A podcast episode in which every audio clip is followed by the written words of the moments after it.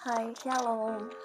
Banyak yang kau perbuat Jadi hari-hari ini tuh aku lagi banyak bergumul gitu ya guys tentang pengharapan di dalam Tuhan gitu. Kadangkala apa yang kita lihat eh, mungkin rasanya gelap banget. Bahkan kadangkala kita nggak tahu gitu gimana Tuhan akan bekerja dalam hidup kita gitu. Di dalam hidup kita itu eh, masa depan itu seperti seperti langit yang gelap gitu. Karena kita nggak tahu apa yang akan terjadi dalam hidup kita. Tapi Tuhan selalu bilang bahwa di mungkin di ayat yang kita sering baca gitu ya. Di Yeremia 29 ayat 11 sebab aku ini mengetahui rancangan-rancangan apa yang ada padaku mengenai kamu Demikianlah firman Tuhan, yaitu rancangan damai sejahtera dan bukan rancangan kecelakaan, untuk memberikan kepadamu hari depan yang penuh harapan. Jadi kalau dari ayat ini, kita tuh belajar bahwa Tuhan tuh udah tahu sebenarnya. Kita tuh bakal kayak ngapain, ke depannya bakal gimana, Tuhan bawa gimana, tapi kadangkala kita yang suka menarik Tuhan untuk mengikuti rencana atau pengharapan yang kita udah punyai gitu. Padahal apa yang Tuhan kasih itu adalah rancangan damai sejahtera, bukan rancangan kecelakaan. Makanya kenapa kadangkala kita ini selalu merasa hidup kita nih susah, hidup kita nih banyak kecelakaannya, banyak masalahnya, istilahnya gitu ya. Iya karena kamu yang menarik Tuhan untuk mengikuti rancanganmu. Padahal Tuhan mau menyediakan segala sesuatu itu yang penuh dengan damai sejahtera. Tapi kamu yang suka bandel gitu. Ya nggak bisa dipungkiri. Secara manusia kita sering kayak gitu karena nggak mudah gitu. Nggak mudah buat mengikuti sesuatu yang kita nggak bisa lihat. Kadang-kala yang kita bisa lihat aja masih nggak mudah. Apalagi yang kita nggak bisa lihat gitu. So kita butuh banget pengharapan itu kita butuh banget tahu pengharapan yang kita taruh itu benar nggak bahwa kita menaruh pengharapan itu kepada sumbernya yaitu Tuhan Tuhan itu selalu ngasih yang terbaik Tuhan itu kalau aku bilang selalu punya buku kehidupan kita. Kapan kita lahir kapan kita meninggal kapan kita harus ngalamin ini kapan kita harus ngalamin itu. Ya kalau mau nego sama Tuhan sih kadang aku juga pengen banget nego gitu ya. Tapi ya nggak semudah itu gitu. karena Tuhan tahu apa proses yang harus kita lalui untuk membentuk kita menjadi orang yang lebih baik untuk menjadi orang yang penuh dengan sukacita untuk menjadi orang yang penuh dengan harapan akan Tuhan untuk menjadi orang yang penuh dengan kasihnya Bapa harapan tuh bisa banyak gitu ya harapan tuh bisa mengenai masa depan, bisa mengenai kesembuhan lagi apa yang kamu alami gitu ya.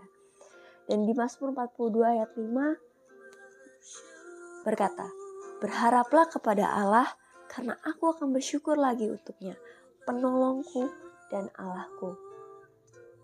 Jadi kalau aku belajar dari ayat ini adalah ketika kita berharap sama Tuhan bukan artinya kita ngeluh terus, tapi kita harus belajar untuk bersyukur. Karena apa yang kita harapkan itu pasti akan terjadi sesuai dengan firman Tuhan. Firman Tuhan gak pernah berubah. Firman Tuhan tuh ya dan amin. Jadi ketika kita udah memiliki, pengharapan, ya kita harus disertai dengan ucapan syukur. Di Mazmur 42 ayat 5 pun juga bilang, Mengapa kamu tertekan hai jiwaku dan gelisah di dalam diriku? Berharaplah kepada Allah jadi itu yang tadi ya ayat secara keseluruhannya. Karena aku akan bersyukur lagi kepadanya penolongku dan Allahku. Jadi sebenarnya Tuhan juga tahu gitu, bahwa kita ini sebagai manusia akan ada nama masanya kita tertekan, kita gelisah di dalam diri kita. Karena kita nggak bisa melihat apa yang akan terjadi. Kita nggak bisa melihat bagaimana masalah ini bisa selesai. Bagaimana hidup kita bisa sembuh mungkin. Bagaimana hidup kita bisa pulih tapi aku sangat-sangat yakin dan percaya bahwa kita ini punya Tuhan yang gak pernah mengecewakan kita. Kita punya Tuhan yang selalu menyertai kita. Kita punya Tuhan yang selalu menolong kita.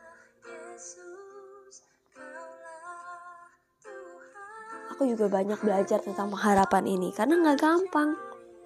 Suka capek, suka juga kayak meragukan Tuhan. Tapi aku tahu bahwa Tuhan bekerja atas hidupku. Tuhan luar biasa atas hidupku, memegang hidupku, dan dia nggak pernah melepaskan aku. Aku pengen terus merasakan Tuhan hadir dalam hidupku. Aku pengen terus merasakan bagaimana hari-hari aku aku bisa alami bersama Tuhan. Aku bisa mengalami masa depan yang penuh harapan sesuai dengan rencananya Tuhan. Karena kalau mungkin rencana kita, kita banyak punya rencana gitu. Tapi balik lagi, kalau rencananya Tuhan itu rencana yang damai sejahtera, bukan kecelakaan. Yang bikin kita suka masuk ke dalam dosa, masuk ke dalam hal-hal yang sebenarnya harusnya nggak terjadi dalam hidup kita itu, ya karena itu kita mau pakai rencananya kita gitu. Walaupun segala sesuatu Tuhan izinkan untuk terjadi dalam hidup kita supaya kita bisa diproses, supaya kita bisa memiliki pengharapan yang benar, supaya kita tahu sumber pengharapan kita itu siapa. Bukan kepada manusia. Banyak orang yang berharap banyak hal kepada manusia karena ya manusia yang bisa kelihatan gitu. Tapi berharaplah kepada Tuhan walaupun dia nggak kelihatan karena dia selalu ada di setiap kondisimu. Dia nggak pernah meninggalkan kamu. Yuk sama-sama aku mau bawa kita sama-sama untuk masuk ke dalam hadirat Tuhan untuk berdoa.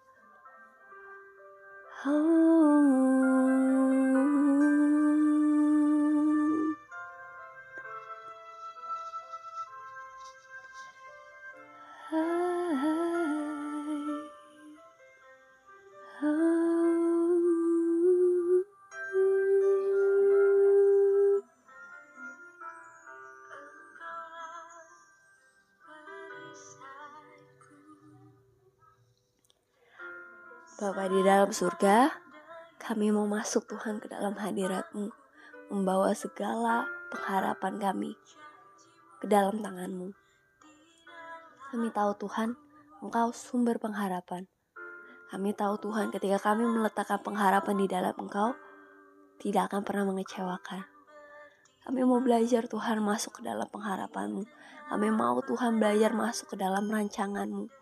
Walaupun mungkin kamu nggak lihat, tapi kami tahu Tuhan, ada hal-hal dan yang sudah Engkau janjikan dalam hidup kami yang tidak pernah mengecewakan kami, yang memberikan yang terbaik buat hidup kami. Biarkan kami bisa menaruh pengharapan kami Tuhan dengan benar yaitu pengharapan kepada Engkau, bukan kepada manusia. Pengharapan yang terus Tuhan ada dalam diri kami, harapan akan Engkau. Karena sering kali pengharapan kami akan kau suka hilang, suka tergeser dengan berbagai hal yang ada dalam hidup kami. Tapi kami mau belajar Tuhan, untuk menaruh pengharapan kami ke dalam tanganmu. Sehingga pengharapan itu bisa sesuai dengan rencanamu. Kami mau menyerahkan hidup kami Tuhan ke dalam tanganmu. Biarlah pengharapan kami, rencana kami, hidup kami ada di dalam tanganmu. Kami mau serahkan itu, kami mau memulai aktivitas hari-hari kami. Terima kasih Bapak, di dalam nama Tuhan Yesus. Haleluya. Amin. God bless you.